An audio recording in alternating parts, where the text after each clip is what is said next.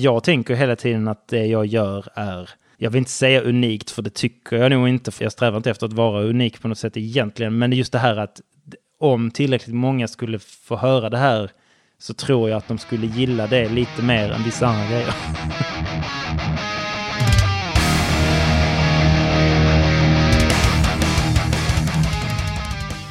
Torsdag och dags för Rockpodden avsnitt 230. Det hade jag eh, nog inte kunnat tänkt mig första gången jag hade kontakt med dagens gäst. Jag vet inte exakt hur länge sedan det var, men det var nog eh, närmare 200 avsnitt sedan i alla fall. Vi har haft kontakt genom åren. Jag bär hans band-t-shirt ibland, jag har sett han live och eh, vi har haft sådär kontakt som man har med folk över nätet. Men eh, hög tid för att han skulle vara gäst i ett eh, avsnitt. Det var det inte förrän idag. Och det var också den perfekt valda tidpunkten. Vi pratar om Mike Jacobson. Han och eh, hans band Liar Thief Bandit släpper sin tredje platta Deadlight imorgon. En riktigt bra platta eh, enligt mig. Och förutom det så är ju nu för tiden också Mike gitarrist i det extremt spännande eh, bandet Acid Strip som släppte sin första fullängdare förra fredagen. Uh, ja, båda de här banden kommer vi få höra i podden. Båda två ligger mig varmt om hjärtat. Vill du stödja Rockpodden så drar du en liten swishpeng till 070 77 38 200 eller så går du in på patreon.com rockpodden. Alla bidrag, pyttesmå som gigantiska, är oerhört eh, uppskattade. Tusen tack för att ni gillar och lyssnar på Rockpodden. Nu kör vi! Mike Jakobsson är veckans gäst. Jag heter Henke Branderyd och jag önskar dig en god lyssning. Mike Jakobsson, varmt välkommen till Rockpodden. Tack så mycket Henke. Hur är läget med dig? Jo, det är bra alltså. Det är bra. Det är fint. Du är ju sanslöst aktuell de här veckorna. är det så? Ja, jo, jo, det får man väl säga. jag, jag var ju på releaseparty med dig i fredags mm. och nu har du ett nytt releaseparty imorgon. Ja, precis. Eh, det kan man säga. Det är ju, eh, ja det var grymt kul. Kul att du ville hänga på där lite.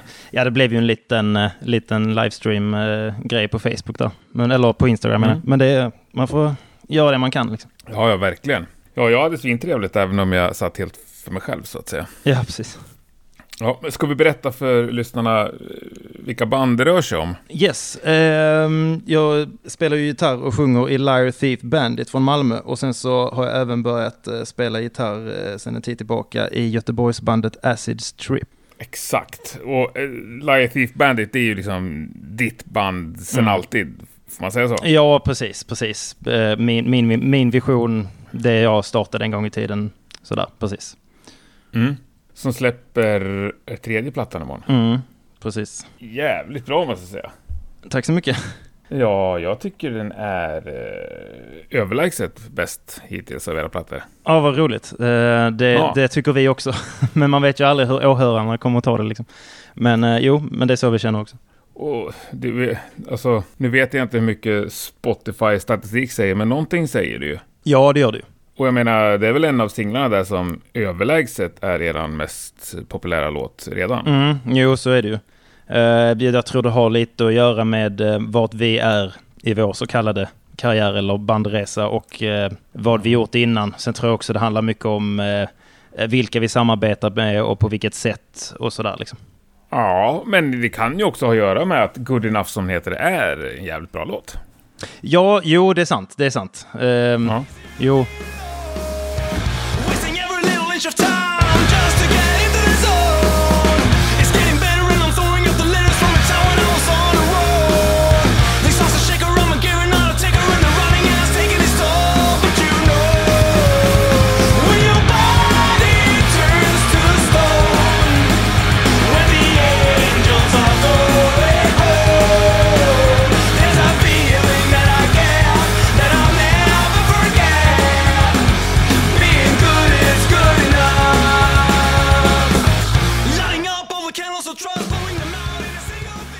Även om jag tycker att jättemånga jag gjort innan dess är lika bra eller så, så är det ju ändå inte jag som bestämmer vad som är bra eller dåligt som jag gör, utan det är ju faktiskt de som lyssnar. Så du, har, du har helt klart en uh, poäng där. Ja, men, ja, men det har ju du också såklart. Jag menar, det är ett jävla slit innan folk ens börjar läsa ens mail och ännu mer slit innan folk börjar trycka på play när man mailar ut att man har släppt en ny låt liksom. Ja, visst. Verkligen, så är det ju. Ja, men ni har bytt skivbolag också Mm. inför den här plattan, eller hur? Yes, det stämmer.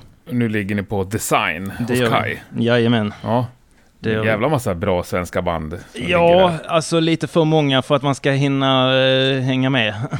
för många kan det aldrig bli kanske, men eh, det är, ja, det är, alltså jag trodde att det var många bra när vi blev signade och sen så visade det sig att det stämde gånger tio typ. Det är, viss, jag har upptäckt Ja. så många band som jag inte hade en aning om innan mm, genom design liksom. Och då trodde jag ändå att jag Mm. hade koll.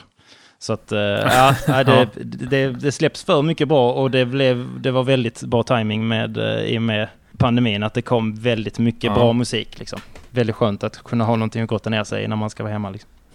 Ja, verkligen. Men hur, hur länge har den här plattan varit planerad till att släppas nu liksom? Alltså, vi började så fröet att vi skulle spela in en skiva när vi var på eh, någon turné eh, hösten 2019 tror jag, för då hade vi börjat skriva lite låtar. Och sen eh, januari 2020, då gjorde vi en turné i England. Och eh, när vi kom hem därifrån så var det ju planerat att vi skulle spela, börja spela in förproduktion, för vi hade nästan alla låtar färdigskrivna till, till en ny platta. Um, och sen tänkte vi, eh, för vi hade ju planer på att åka ut och turnera i maj igen 2020. Och det insåg vi ju i mars att det skulle ju inte hända. Så det vi gjorde då var att, för vi hade snackat med en studio och sagt att vi vill spela in i juni, för vi är ute på turné i maj och innan dess har vi gjort förproduktion och sen när vi kommer hem i, så är vi hemma någon vecka, sen i juni går vi in i studion. Så eh, när pandemin kom och alla började avboka studion så ringde vi studion och sa hej kan vi, ehm, kan vi flytta det här och köra i maj istället för att vi kommer inte komma ut på turné Mm. ändå. Och de sa ja absolut, folk har eh, ställt in hej vilt för att de är oroliga och så. Så länge ni är friska, kom ni, vi håller distans, vi är inte så många ändå liksom på plats. Så, så då körde vi att vi spelade in tidigare än vad vi hade räknat med.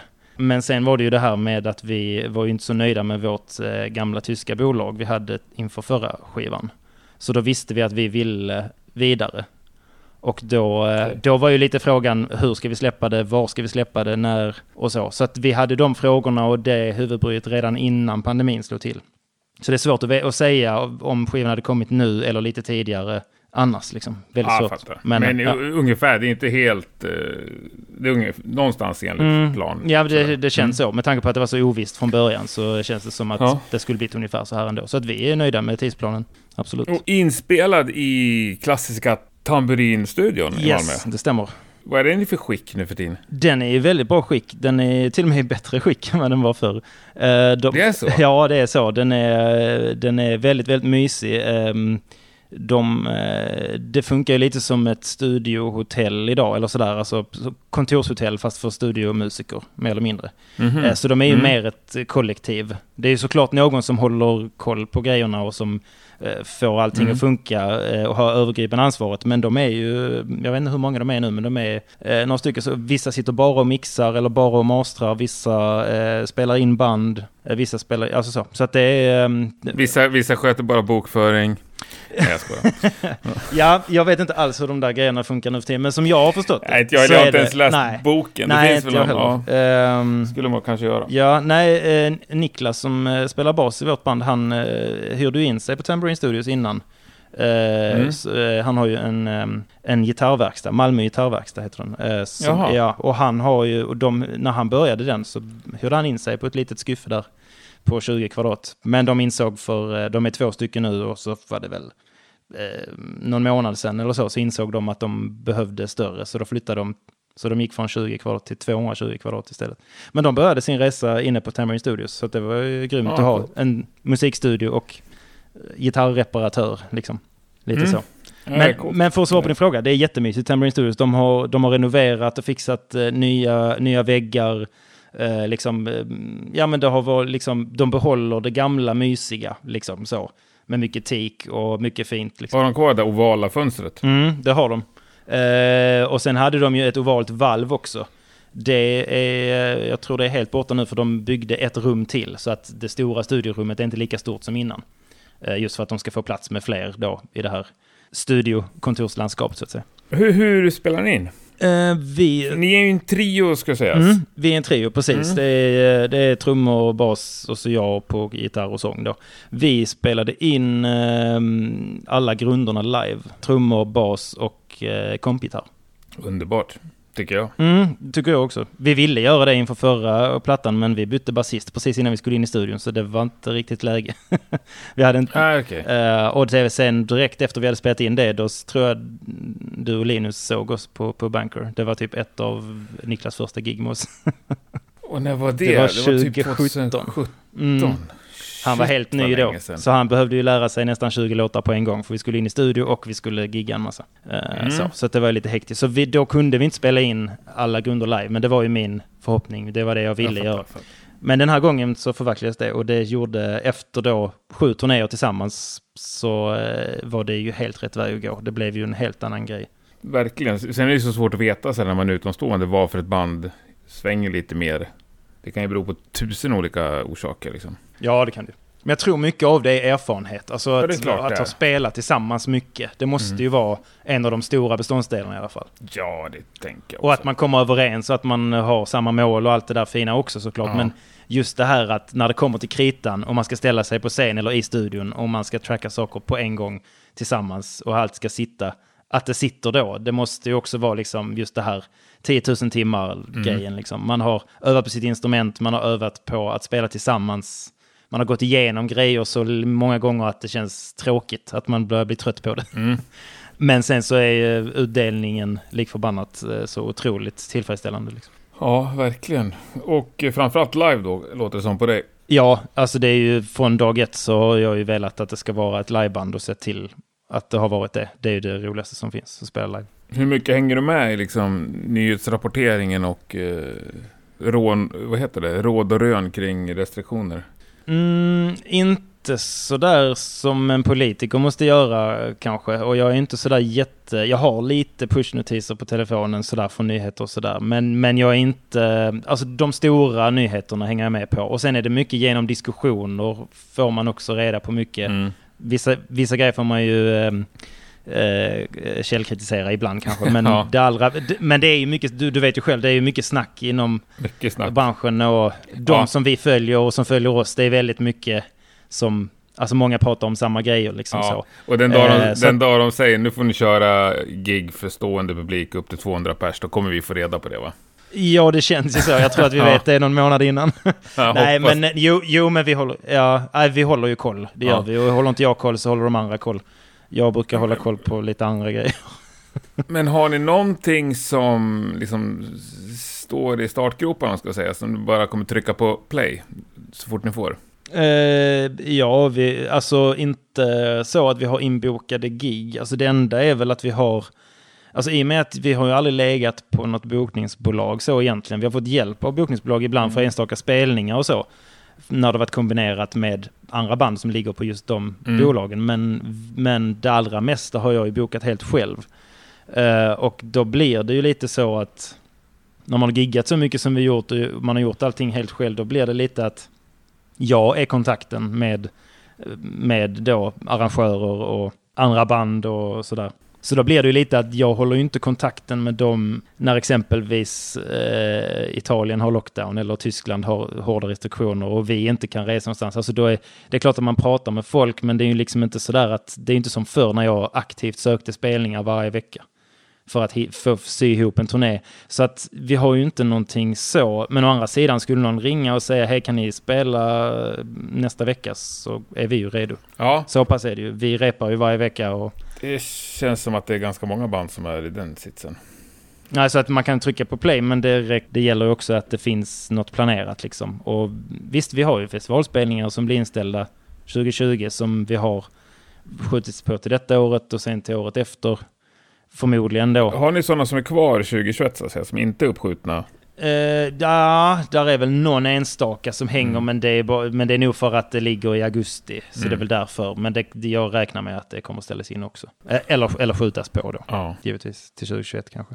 Men eh, nej, så att det händer dem så de är ju jätteglada om de finns kvar att de har, redan har band. Så det kommer vi säkert kunna åka ut på det. Men det är ju, jag tror att alltså, har inte vi hittat ett bokningsbolag som kan göra det jag redan gör bättre, mm. eh, vilket jag hoppas för att det tar väldigt mycket tid och energi. Men eh, har vi inte gjort det så känner jag ju mig själv. Jag bestämde mig för att den här majturnén 2020 som inte blev av mm. skulle bli min sista DIY-turné där jag sätter allt själv. Men nu känns det lite som att jag känner ju mig. Jag vet ju att så fort de, de säger ja men det är grönt, mm. nu kan man leva som då kommer jag ju sitta och ha, redan ha bokat en turné själv. Ja. Jag funkar ju så. Ja. så att, ja, och det är väl på något sätt beundransvärt tänker jag. Ja, det är det kanske. Ja. Alltså jag är så inne i det så jag tänker ju inte så. Jag är så van vid att folk säger hur fick ni detta? Hur, hur gjorde ni detta? Hur löste ni det? Och det, det är ju det är legitima frågor. Jag hade frågat någon annan samma sak säkert, men just när man gjort det mesta själv så är det så här, det låter lite som hur fick ni detta? Det låter nästan som att... Ja, vilken jävla tur ni har haft. att man fick... Att man, man får fick spela det, på så många exakt. festivaler. Ja. ja, exakt. Ja, men, ja, precis. Att man fått det serverat. Men och de flesta menar ju väl. De menar ju inte så som nej. man kan ta det en dålig dag. Men, men eh, nej, så att det är ju, alltså hårt slit lönar ju sig, men det är ju, det blir ju också en ovisshet i det att man får sköta allting själv. Det finns ju en fördel och en nackdel med det såklart. Absolut. Men eh, om man vänder på det, hur tänker du om du kollar på liksom band som är mycket större än er? Alltså hur de ska kunna ja, men spela? Funderar inte du så här, hur, hur fick ni detta? Eller funderar du, hur har de gjort så här? Jo, jo precis. Och det var, det var det jag var inne på lite innan, att eh, jag hade ju förmodligen frågat samma sak. Liksom. Men mm. grejen är där att nu säger du större band och det är helt rätt, men jag tänker inte så när någon frågar mig eh, som inte kommit lika långt som vi har, mm. eh, så tänker inte jag att de inte har gjort det. Jag tänker ju de som likasinnade. Jag tänker ju inte att jaha, de ser upp till att vi har gjort så här mycket. Jag, det fattar jag i efterhand. Ja. för, jag är inte, för jag tänker inte så. Jag vet inte om det är någon märklig självbild. Att man bara kör och kör och inte tittar bakåt. Liksom. Ah, Okej, okay. men tänker du så om alla band? Tänker du att ni också är lika stora som Hellacopters eller Offspring? Liksom? Uh, nej, nej, det är jag inte. Där Utan det är ju ja. Precis, där är, det, där är det lättare distinktion för att där kan jag mäta det. Liksom. Ja. På något sätt känns det som att när man, när man inte har fått någon form av... Alltså när det inte finns en tydlig linje mellan att vara ett, ett band som, som ingen vet om och ett band som några börjar känna till. Mm. Alltså när det inte finns en tydlig alltså, distinktion, hade vi, hade vi fått en stor förbandsturné eller om vi hade fått spela på stora scener och fått dragit mycket publik, då hade jag kanske börjat tänka, ah, okej, okay, men nu har vi kommit någonstans. Men jag, när jag är inne i det och bara vill skapa mer och göra mer så tittar jag inte i backspegeln. Och det är nog också både bra och dåligt. Ja, fatt, ja, men har du liksom reflekterat över varför det där nästa steg inte har infunnits redan? Um, ja, alltså jag tror att det har med lite olika saker att göra, men uh, uh, främst tror jag att det handlar om timing. Liksom. Jag tror ju liksom inte att, uh, att, mm, att vi har varit liksom bättre eller sämre i olika tillfällen. Jag tror ju bara att man är en nål i en höstack konstant och att försöka hitta ut ur den eller att folk ska hitta den här nålen är lättare sagt än gjort. Liksom. Man får lägga mm. ut sina, eh, sina olika banor för att kunna nå dit. Men det är, ja, det är svårt. Ja, men alltså tänk... Nej, nu ska jag inte låta kritisk, men tänker att alla band är liksom ett, ett strå i höstacken? Um, det beror på vad det är för Finns det inga band som sticker ut? jo, jo, det gör det. Uh, men jag märker också att alltså, man, blir, man får så mycket jag får så mycket självinsikt när det kommer recensioner och när det kommer saker som, eller när folk pratar om vad de tycker och sådär på ett ärligt sätt. Det blir så påtagligt att man är den där. För att jag tänker hela tiden att det jag gör är, jag vill inte säga unikt för det tycker jag nog inte, för jag strävar inte efter att vara unik på något sätt egentligen. Men det är just det här att om tillräckligt många skulle få höra det här så tror jag att de skulle gilla det lite mer än vissa andra grejer. Ja. Uh, alltså att jag har den inställningen. Jag tror att man behöver lite den drivkraften. Få bort lite jante liksom. Annars blir det jävligt deppigt. Ja, precis. Uh, precis. Och så tänker jag liksom att man utgår lite från att man själv är... Man kommer inte synas och höras om man inte gör någonting. Och då blir det drivkraften. Och så mm. försöker man... Samtidigt försöker man göra grejer så att det inte låter likadant hela tiden. Att scenuttrycket är lite annorlunda och sådär. Nu jobbar inte vi så, så mycket med image, men en icke-image är väl också en image i och för sig. Men det är liksom, jag vet inte riktigt. Det finns ju de som inte ens ligger i höstacken, absolut. Som inte ens, alltså där folk inte ens kommer att titta. Absolut finns de banden också, men man rör sig ju lite grann. Jag vet inte, vi rör oss i alla fall runt en sfär där alla vill lite grann samma sak. Mm. Och då tänker jag liksom att jag vill ju inte se det som en eh, som att man är konkurrenter. Jag vill ju se det som att vi är kollegor allihopa och vill samma sak och kan lyfta varandra. Liksom. Ja. Eh, och då, då tänker jag lite att det är ju samma, det är samma kamp för alla. För även om du försöker vara ett väldigt annorlunda band så tror jag ändå att du kommer inte kunna ha, du kommer inte kunna ha eh, den publiken bara för att du sminkar dig på ett visst sätt eller har vissa kläder eller låter på ett visst sätt för att det mesta har gjorts, eller det mesta som är utstickande har redan gjorts. Mm. Så det blir inte utstickande längre. Liksom. Lite sådana tankar fightas jag väl med ibland, tror jag. Ja, jag förstår. Svåra tankar. Jag, jag, jag fightas ju också mm. med de tankarna. Jag kan ju ibland när jag hör någon ny platta tycka så här, åh oh, gud vad tråkigt, det här har jag hört tusen gånger förut. Och sen så kan jag en sekund senare höra en annan platta och känna att fy fan vad bra, det här har jag hört tusen gånger förut, men det skiter i för det är så jävla bra.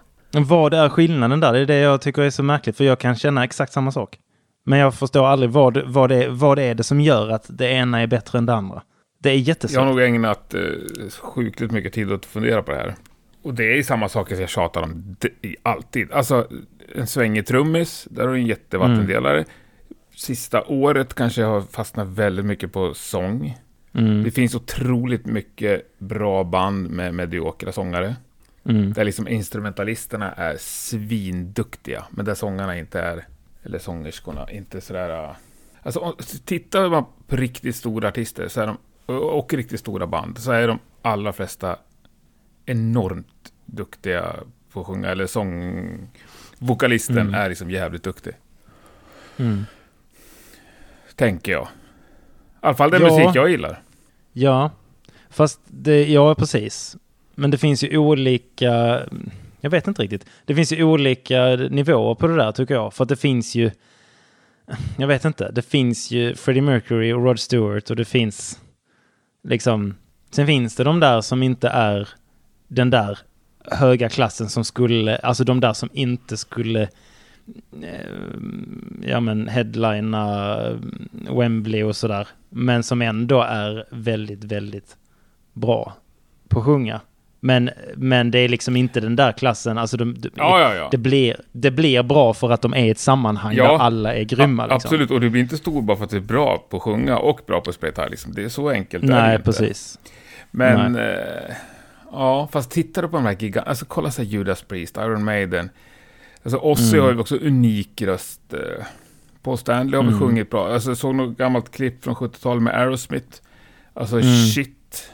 Ja, helt otroligt. Ja, det, det är lite så här, skulle det komma någon, ett, band, ett rockband nu där sångaren låter ungefär som Steven Tyler lät 78. Eh, mm. Jag tror det skulle gå ganska bra för dem liksom. Ja, det tror jag också. Uh, det tror jag absolut. Sen så tror jag att, alltså... Om de kunde spela skapligt och skriva schyssta låtar. Självklart. Eller så är sången så bra att uh, de tar in externa låtskrivare ja, och så blir det bra ändå. Ja. Det ser man ju lite ibland. Men nej, jag vet inte riktigt. Alltså det, ju, det finns ju några sådana exempel, men det, det beror på vad man är ute efter tror jag. Jag tror att det vi försöker göra, där fokuserar ju jag eh, i mitt skrivande ganska mycket på texter och jag fokuserar rätt så mycket på att hitta roliga låtidéer som mm. kan bli roliga låtar för oss att spela, roliga för folk att höra. Det är väl ambitionen i alla fall. Och sen så Ja, och sen så gör man det bästa av det utifrån sin egen förmåga. Uh, och sen blir enhet, alltså förhoppningen är väl att enheten ska bli så bra det bara går. Mm. Tänker jag. Uh, och sen så, för att det finns så mycket band där jag inte skulle säga att det här är den bästa sångaren eller sångerskan som finns, men jag älskar bandet, jag vill inte ändra någonting. Jag menar om man tänker punk, liksom, finns det ju karak Ja. alltså, karaktäristiska punksångare som är hur grymma som helst. Men de skulle inte komma, de skulle inte ens komma till produktionsjuryn i Idol. Liksom. Nej, nej, men det är ju för att de kanske tänker annorlunda liksom. Ja, delvis, men en riktigt, riktigt grym rocksångare går, går ju vidare i Idol, Ja, tänker jag. ge mig ett Alltså, exempel om- på en grym punksångare. Jag är dålig på punk, vet du. Eh, nej, men eh, ja, alltså, ja, men jag tänker ju liksom eh, Iggy Pop, bara för att ta en som är ganska vedertagen. Alltså han Mm. är ju, så som han var, eller åtminstone på 70-talet och en bit in på 80-talet, det är ju liksom, du hör direkt att det är han. Ingen kan uttrycka sig så som han gör. Johnny Rotten i Sex Pistols är ju samma sak liksom.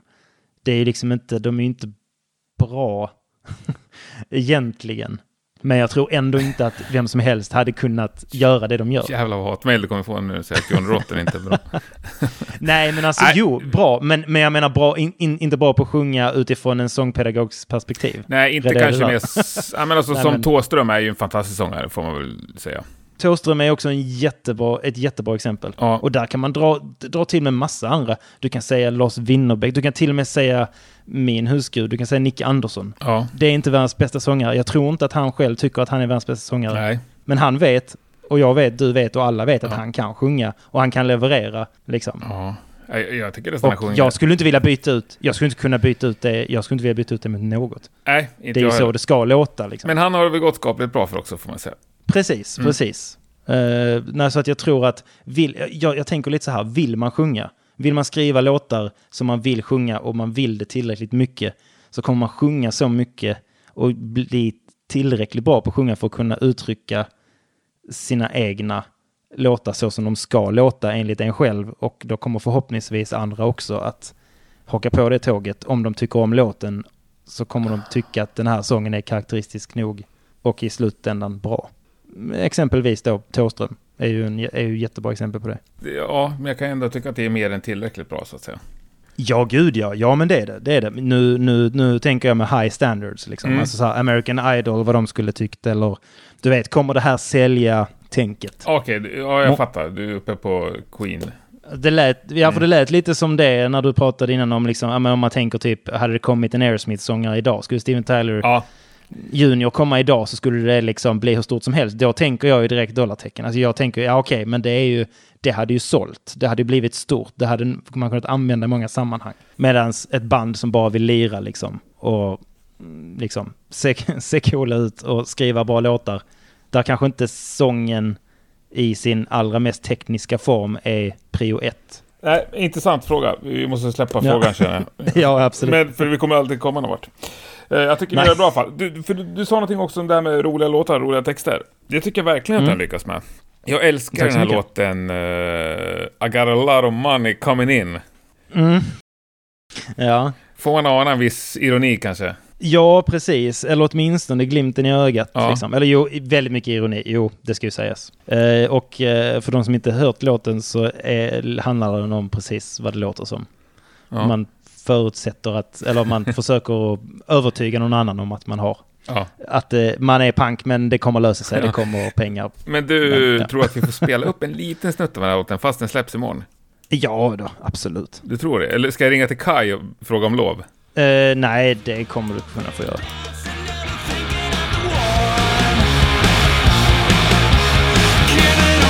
Because now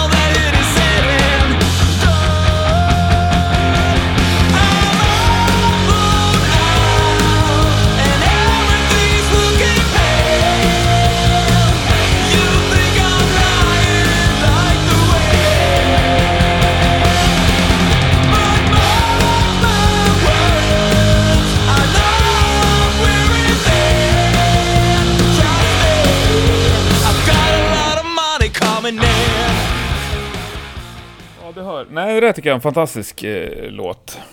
Jävla klyschigt kanske att fråga var man får sina låtidéer ifrån. Men jag skriver inga texter liksom. Jag får ju aldrig för mig idén. Alltså, åh vilken rolig eller intressant grej. Det här ska jag skriva en text om. Nej, När drabbar det dig? Eller är det när du måste få ur dig några texter? Alltså det är väl lite både och. Ibland kan det bli så att jag känner att jag måste, eller nej, i och för sig nej. nej jag, nej, jag kan inte, jag kan inte påstå det inser jag nu. För att jag är ju lite så, jag är ju en textnörd, jag älskar ju texter. Jag har alltid skrivit och alltid, tycker all, har alltid eh, haft en fäbless för det, det skrivna ordet liksom. Mm. Det har alltid varit väldigt intressant för mig. Och sen ska ju sägas att jag sitter ju... Förr satt jag med anteckningsblock, nu med smartphone så sitter jag... Jag vet, man tittar en film eller en serie eller man till och med läser en bok eller, eller kollar en dokumentär. Och så, vet, efter ett tag börjar man kolla telefonen lite och sådär. Och så rätt vad det är så säger de någonting i den här, ja men dokumentären exempelvis. Och så är det bara ett litet citat och så Mm. tänker jag, fan vad bra sagt. Det där är, ur, även om det är taget ur sin kontext så tänker jag bara, det här låter jättebra. Det här kan man göra någonting med. Även om det inte handlar om det som det handlar om från början. Och då skriver jag ner det i anteckningar på telefonen och då till slut kan jag ha 25 olika helt osammanhängande grejer där och ibland kan jag till och med glömma bort vad det var från början. Mm. Men sen när jag tittar i dem för inspiration så kan det till och med bli en låtidé, en låttitel, det kan bli eh, ett tema eller, eh, eller så bara får det mig att associera till någonting annat som jag börjar tänka på och börja skriva om. Så så gör jag ju mycket, men i övrigt, alltså jag älskar Men ju kan att inte, du skriva. ta fram så din, att- kan inte du ta fram din telefon så läser du upp den senaste grejen du skrev in? Åh, vad roligt. Så hamnar det i låtar sen om två år och sen så kommer folk tänka, ah, det är Ja. den. Eh, eller jag kommer tänka. Ehm, ja, vad har jag skrivit här? Eller så inspirerar du någon annan som hör det här nu? Ja, så kan det vara. Men grejen är att eh, good artists borrow, great ones steal. Yes. Så att, eh, så att jag har ju snott de här grejerna någonstans ifrån Ja. ändå. Det kan vara typ eh, filmreplik eller vad som helst. Jag har skrivit, eh, blir det ju mörkt här i och för sig, eh, Dead by Dawn har jag skrivit. Ba- Bara så? Ja. Ja, eh, alltså det är bara så korta liksom. Mm. Eh, Pour myself a cup of ambition. Den har nu snott från någon countrytext. Nej, men det, det vet inte vilken text det är. Nej, jag har glömt Det det. är ju 9 to 5 med Dolly Parton. Ja, men jag sa ju det. Mm. Countrytext. Exakt. Ja, Ja, och precis. det är ju- och det, ja, exakt. Just det. Precis. Sa jag country och inte dålig Parton. Ja. Pinsamt. Nej, men jag... Eh, nej, precis. Och jag skrev upp den, inte för att jag möjligtvis ska skri- använda det i någon text, men ibland händer sånt att jag, te- jag tänker att varför har jag aldrig tänkt på den här textraden innan? Jag är imponerad att du tog den så snabbt direkt. Aha, jag Eh. fattar vad du menar då. Men jag, ja, ja, men jag har liksom inte tänkt på den textraden alls. Jag har inte lyssnat på den texten och sen så helt plötsligt så kom den låten på och så tänkte jag bara det där är ju genialiskt. Ja. Pour myself a cup of ambition. Och sen så typ behöver det liksom inte vara, ib- ibland blir det liksom lökigt eller vad ska man säga, lite cheesy, lite eh, sådär guilty pleasure att jag tycker att det låter bra men jag vet också att det kanske är lite töntigt. Och sen så kanske jag hittar någon eh, kontext där jag tycker det är, eh, där det är kul liksom. Ja, men vad fan, Eh. det finns väl ingen människa heller som bara kommer med bra idéer?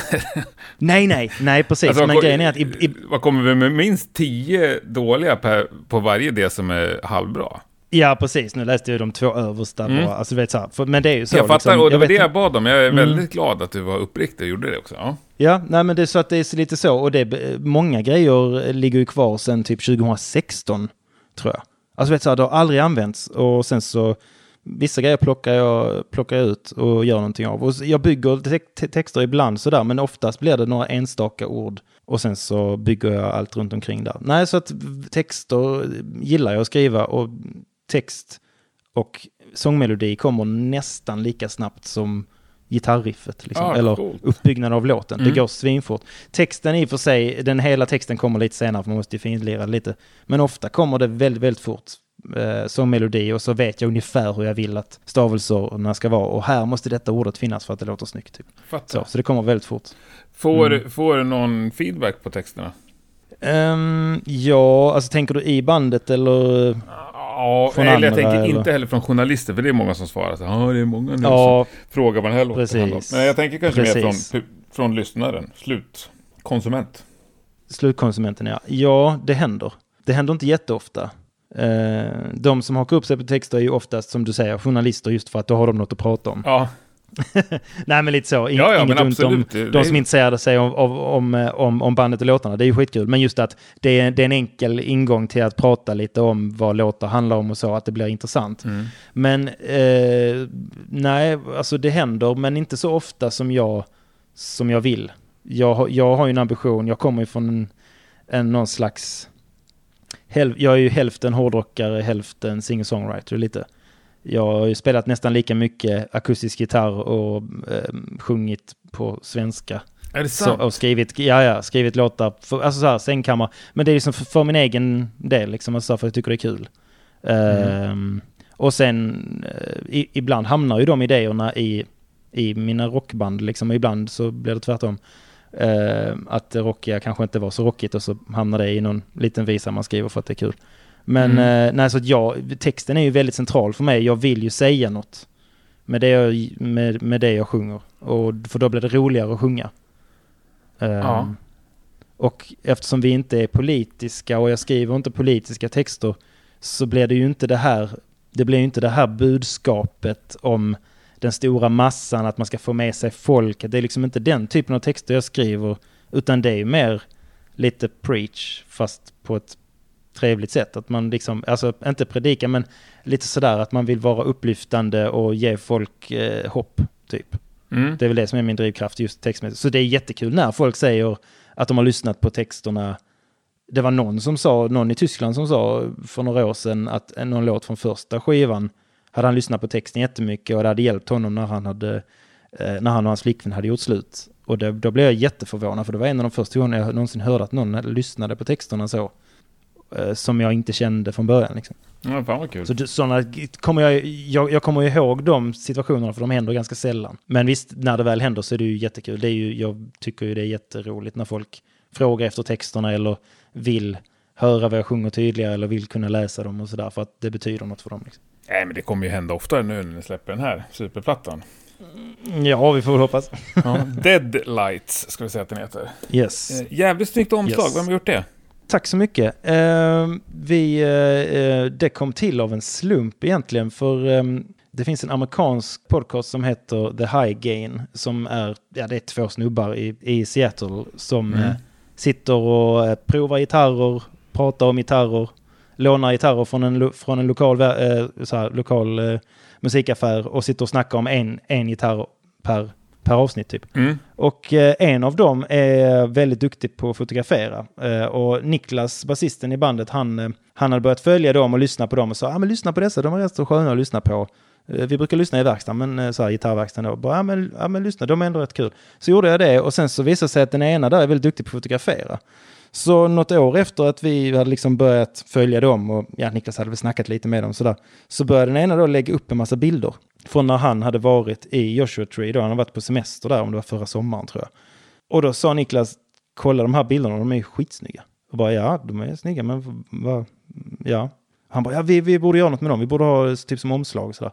Och jag kände direkt då liksom från början att nej, alltså är det vi, är det passande, är det, jag tyckte ju att de var snygga från början, absolut, Mm. men jag kunde inte riktigt se det i vårt koncept. Tills jag insåg att vi inte har något koncept och vi, vi, bestämmer, vi, vi, vi bestämmer ju våra egna... Alltså om vi inte har någon utstakad image då har vi väl ingen utstakad bestämmelse att så här ska vårt skivomslag se ut. Nej. Och det är ingen annan som bestämmer det heller. Så då, då gick jag tillbaka lite till, tycker jag att det är snyggt? Tycker jag att det hade kunnat vara ett häftigt omslag? Hade jag gillat om jag hade sett det i skivaffären? Ja. Och svaren på de frågorna blev ja.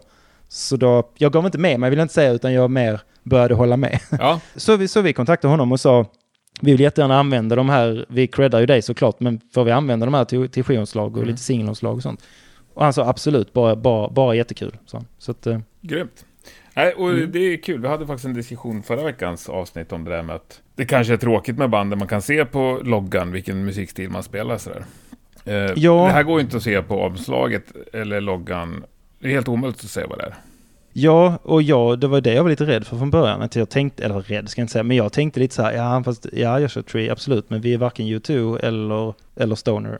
Eh, vad fan, jag har ändå varit i Joshua Tree. Jag drog faktiskt inte kopplingen att det där är därifrån. Nej, okej, nej. Det kanske jag borde Nej, eller- det- Ja. Så jag tyckte att det i alla fall såg lite öken ut och lite så här, jag, jag förde tankarna till Desert Rock lite sådär när jag såg Mm. den. Så. Eh, och så tänkte jag liksom, ja men det kanske inte är missvisande, men å andra sidan, vad det är missvisande egentligen. Alltså det är ju inte, många gånger så har ju folk, vissa band jättehäftiga omslag som inte har med den musikstilen att göra, men det passar skivan väldigt bra. Och den här gången kände vi väl lite att det, det föll ändå på plats liksom. ja. Det är skitsvårt det där helt enkelt. Ja, vad sa den hette? High Gain. Ja, precis. The High Gain Podcast. Finns den kvar? Ja, den finns kvar. Mm. De kör eh, varje vecka tror jag. Grymt. Vi gillar ju poddar som kör varje vecka. Ja, verkligen. Det, man Inte behöver såna den. slöa som bara kommer varannan. Nej, precis. Det ska vara rutin. och, och, och ofta. Tänk de som släpper en gång i månaden. Får. Ah, fan, de glömmer jag bort. Jag följer inga sådana. nej, jag följer väl någon enstaka. Men, nej, nej, då nej. får det vara enstaka grejer. Ja, eh, men du, Mm. ska vi snacka lite Acid Strip? Det kan vi göra. Mm, hur hamnade du där? Eh, ja, hur hamnade jag där? Ehm, jag har ju haft koll på eh, Annas tidigare band, Honeymoon Disease såklart. Eh, sen innan vi giggade till och med med dem och Horisont en gång på Babel 2016 tror jag, eller tidigt 2017 kan det ha varit. Mm. Eh, så då lärde jag känna Anna lite, eh, lite snabbt. Så man blev vän på Facebook och man snackade lite då in, in, innan gig och efter gig och så. Eh, en gång och sen eh, var det inte så mycket mer med det. Och sen har man ju varandra på Facebook och sådär och hon startade Acid Trip och jag hörde hennes rockpodden avsnitt och sådär såklart. Eh, så jag hade lite koll sådär som man har koll på de flesta banden Mhm. i, i svängen liksom. Eh, och sen så ehm, tror jag kommer inte ihåg om det var bandet eller om det var Anna. Jag tror att det var Anna själv som skrev ut på Facebook på sin egen privata att de sökte en gitarrist för en turné till Acid Trip. Eh, eftersom Ulle hade slutat precis. Och de hade en turné inbokad i mars 2020. Spoiler alert, vi vet ju vad Mm. som hände, mars 2020. Men Ja. det, som hände, det vi inte visste då och i januari, det var ju att, eh, att det skulle hända. Så att jag skrev till Anna och bara, hej, jag bor visserligen i Malmö, men jag, jag kommer gärna upp till Göteborg och repa lite och eh, dra ut på en turné med er. Det låter skitkul liksom. För jag tänkte så här, jag hade hört fyra låtar och jag tyckte de var roliga. Det lät som roliga låtar. De, jag tyckte Mm. bandet var bra. Jag tycker Anna är grym, liksom. Eh, så jag tänkte, ja men varför inte liksom. Eh, och sen, eh, ja, nej men sagt och gjort. Jag åkte upp och jag träffade dem och vi repade och vi fixade allting och planerade allting och sen så samma vecka ungefär, eller veckan innan vi skulle åka ut. Nej, samma vecka så Mm. kom pandemin. Så att vi fick ju ställa in hela turnén. Och då blev det ju lite så, luften gick ur och man hade kämpat. Anna hade kommit ner till Malmö och vi hade gått igenom låtar och jag hade åkt upp, vi hade repat allihopa och alla var helt redo liksom. Mm. Och sen så, ja men som sagt, luften gick ur. Man visste inte riktigt vad, vad gör man nu liksom. Det var snack om att den skulle skjutas på turnén och sådär och ingen visste någonting. Men sen så landade det väl lite i att vi tyckte det var kul att lira ihop och jag, jag hade ju lika lite, förutom då att vi spelade in skiva med Liar och sådär så, så hade jag ju inte, det var ju inte, det var ju inga andra stundande turnéer för allting var inställt. Så Ja. det blev ju att man skrev färdigt lite material och eh, började liksom köra mer tillsammans. Då innan det blev hårda restriktioner så åkte jag upp till Göteborg någon enstaka gång och sådär förra sommaren och, och sådär och vi repade och spelade in och sådär. Så det blev ju att jag spelar på ett par låtar, jag tror det är en sex, sex eller sju låtar på Acid Trip-plattan Strings of Soul som släpptes förra veckan. Och eh, jag fick faktiskt med en, en låt på skivan också. Ja, Det behövdes en låt till så jag och vilken var det? Det uppfattar inte jag riktigt. Eh, Get It Right heter den. Det är, den är enkel att komma på vilken det är för att det är den låten som börjar med att jag sjunger. Mm.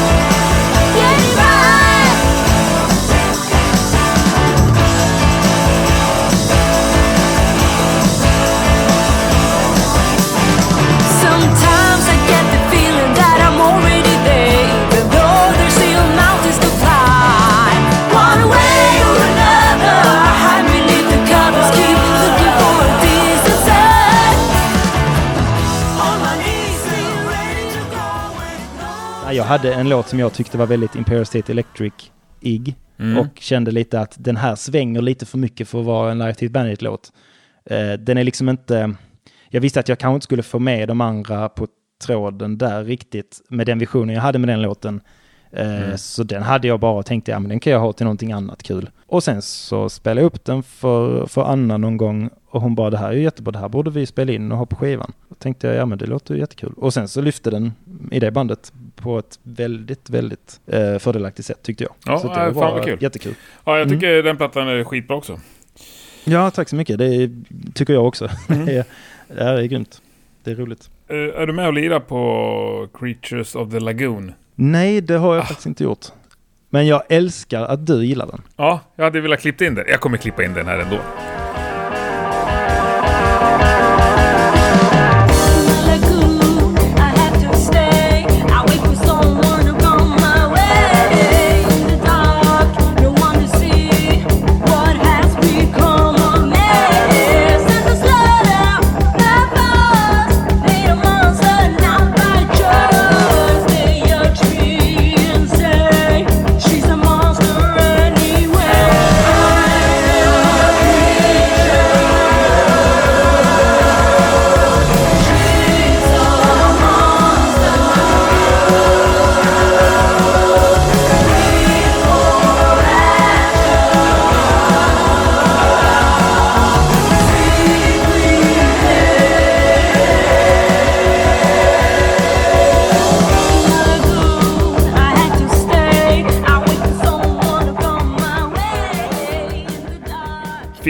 Fråga om du ville bli medlem i bandet, eller hur? Alltså inte riktigt. Alltså från allra första början så blev det... Du bara hängt kvar? Ja, precis. Nej, men nej, inte riktigt så ska jag inte säga. Nej, men jag vet inte. Jag, det bara blev för att det, jag kommer inte ihåg någon distinkt sådär att nej, men Nej. nu är jag med i bandet på riktigt. Utan det har liksom bara blivit dynamiskt, eller vad heter det? Organiskt. Ja. Jag har bara glidit in i det för att vi växte lite med uppgiften för att det blev ju lite att turnén blev inte av. Och sen så blev det lite att vi får göra någonting annat istället. Och då blev det att vi spelar in en skiva. ja. Och sen så växte man väl in i rollen liksom. Och sen så har ju jag ju tyvärr inte kunnat vara fysiskt delaktig så mycket som man hade kunnat önska. I och med att jag bor i Malmö och de utgår från Göteborg. Liksom från hösten och framåt så har det ju inte varit så mycket att man har kunnat träffas. Men det känns ju ändå väldigt speciellt att ha någonting att jobba med tillsammans. Ja. Till, alltså för att hitta bolag och hitta nya mål och, eller så här, nå nya mål och sådär. Så att, eh, nej det känns bara roligt. Och en jävligt annorlunda roll för dig som är van att vara liksom bandledare och sköta allt och boka alla gig och... Oh ja, alltså jag, jag bidrar ju såklart med min, min erfarenhet och min, eh, min ingång i det här bandet. Det gör ju alla i bandet. Mm. Eh, så. Men, eh, men jag skulle väl ändå påstå lite att Anna är väl eh, i det bandet vad jag är i Liar liksom.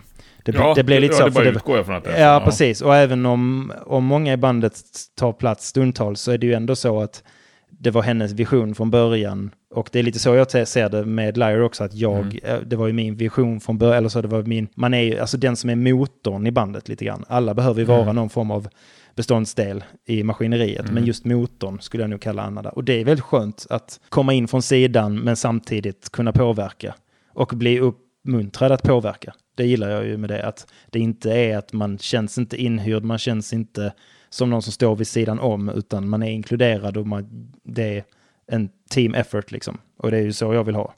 Alla konstellationer jag är med i. Liksom. Men ser du att liksom i en, en snar framtid när turnén börjar rulla igen sådär, att du kommer hinna med både och? Båda banden? Det kanske blir en sån dregen situation med, med Backyard Hell. Nej, jag vet inte riktigt. Det är klart jag har funderat på det också. Men eh, alltså det beror lite på. Jag tror att allting handlar om eh, allting handlar om framförhållning. Jag kan ju inte ta gig veckan efter med båda banden med en veckas varsel liksom. Så det kommer ju inte funka. Men det hade å andra sidan inte riktigt funkat med ett band heller. Eh, oftast. Ehm, så jag tror att eh, så länge det inte blir väldigt, väldigt hektiskt och väldigt, väldigt mycket så, tror jag, så ser jag inte det som något problem. Men det är klart att jag hoppas att det blir hektiskt och att det blir mycket. Man har ju ändå ambitionen att kunna eh, vara ute och spela mycket. Men jag tänker mer att då tar man det när det kommer, liksom.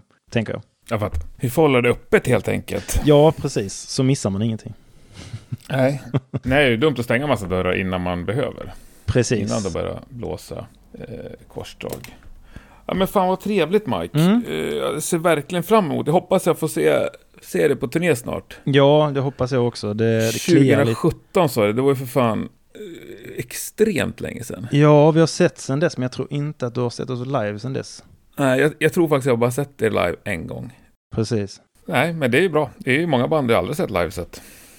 Ja, precis. Och ehm, sen kommer det nog kännas väldigt annorlunda när man ser band igen efter det här.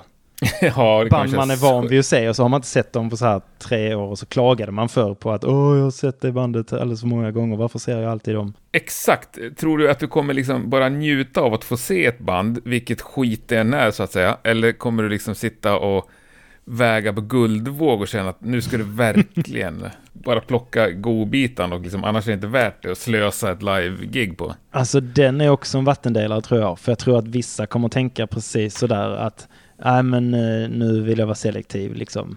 Och Mm. jag tror att vissa kommer vara precis tvärtom, ta vad som helst. Var landar jag i det? Ja, alltså... Ja, exakt. Alltså det är frågan. Alltså grejen är, om där är en, om det är en riktigt bra energi på scen och det är ett band som jag verkligen så, verkligen, verkligen känner någonting av, då spelar det ingen roll om de är bra eller inte tror jag. Då kommer jag bara vara glad. Men jag tror det måste ändå vara inspirerande på något sätt. Och jag hoppas ju att de flesta kommer att vara så pass taggade när man drar igång. så, att, så att det kommer bli så oavsett. Men nej, jag tror inte jag kommer vara så selektiv där i början. Tror jag inte. Jag vet, du har sagt någonting om att du så här, funderar på vad, du vill, vad det första du vill se eller sådär. Ja, jag, jag, jag vet, jag har fått den frågan av folk också. Så kanske ja, det var. Ja. Det är sjukt svårt. ja, det är jättesvårt. Hur ska man liksom... Och lite kommer det bli ute, utifrån utbud, så att säga.